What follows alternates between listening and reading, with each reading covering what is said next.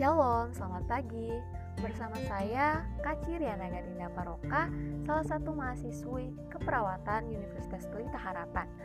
Saya akan berbagi refleksi pribadi tentang salah satu topik mata kuliah Pancasila yaitu dinamika dan tantangan mata kuliah Pancasila. Nah, pada periode Orde Lama, ada beberapa kelompok yang menginginkan negara agama. Dalam hal ini, yang bisa saya dapati sebagai pelajaran ialah bangsa Indonesia menomor satukan Tuhan. Ya, itu memang hal yang baik. Namun menurut saya itu bukan hal yang tepat. Mengapa saya bilang seperti itu?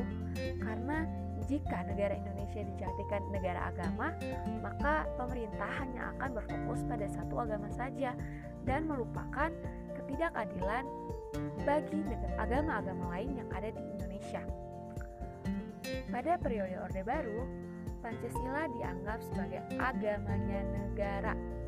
Hal ini merupakan dampak yang berasal dari Orde Lama sehingga menutup sistem demokrasi.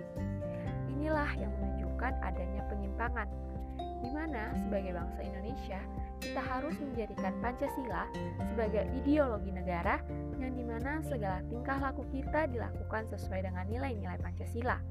Hal ini bukan bermakna bahwa Pancasila merupakan sebuah agama bagi negara, namun merupakan asas hidup bagi bangsa Indonesia. Lanjut ke periode reformasi.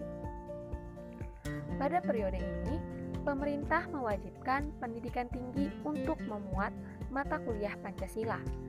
Hal ini dimaksudkan agar sebagai seorang mahasiswa yang siap memasuki lapangan pekerjaan kita harus tahu dan mengenal apa yang menjadi dasar dari segala tindakan kita, apa itu bertentangan atau sejalan dengan nilai-nilai pada Pancasila.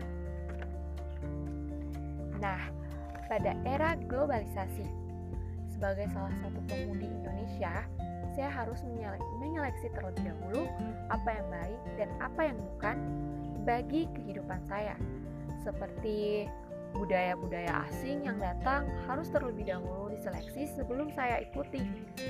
Budaya-budaya buruk dari barat harus saya hindari, serta mempergunakan teknologi yang ada untuk hal-hal positif.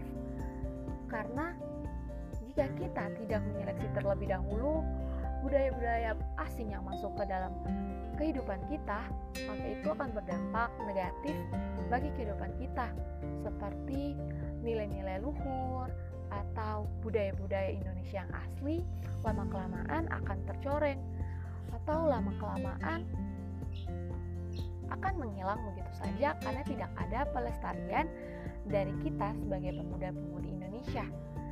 Nah, sekian dari saya tentang refleksi pribadi, dinamika dan tantangan mata kuliah Pancasila. Terima kasih sudah mendengarkan. thank you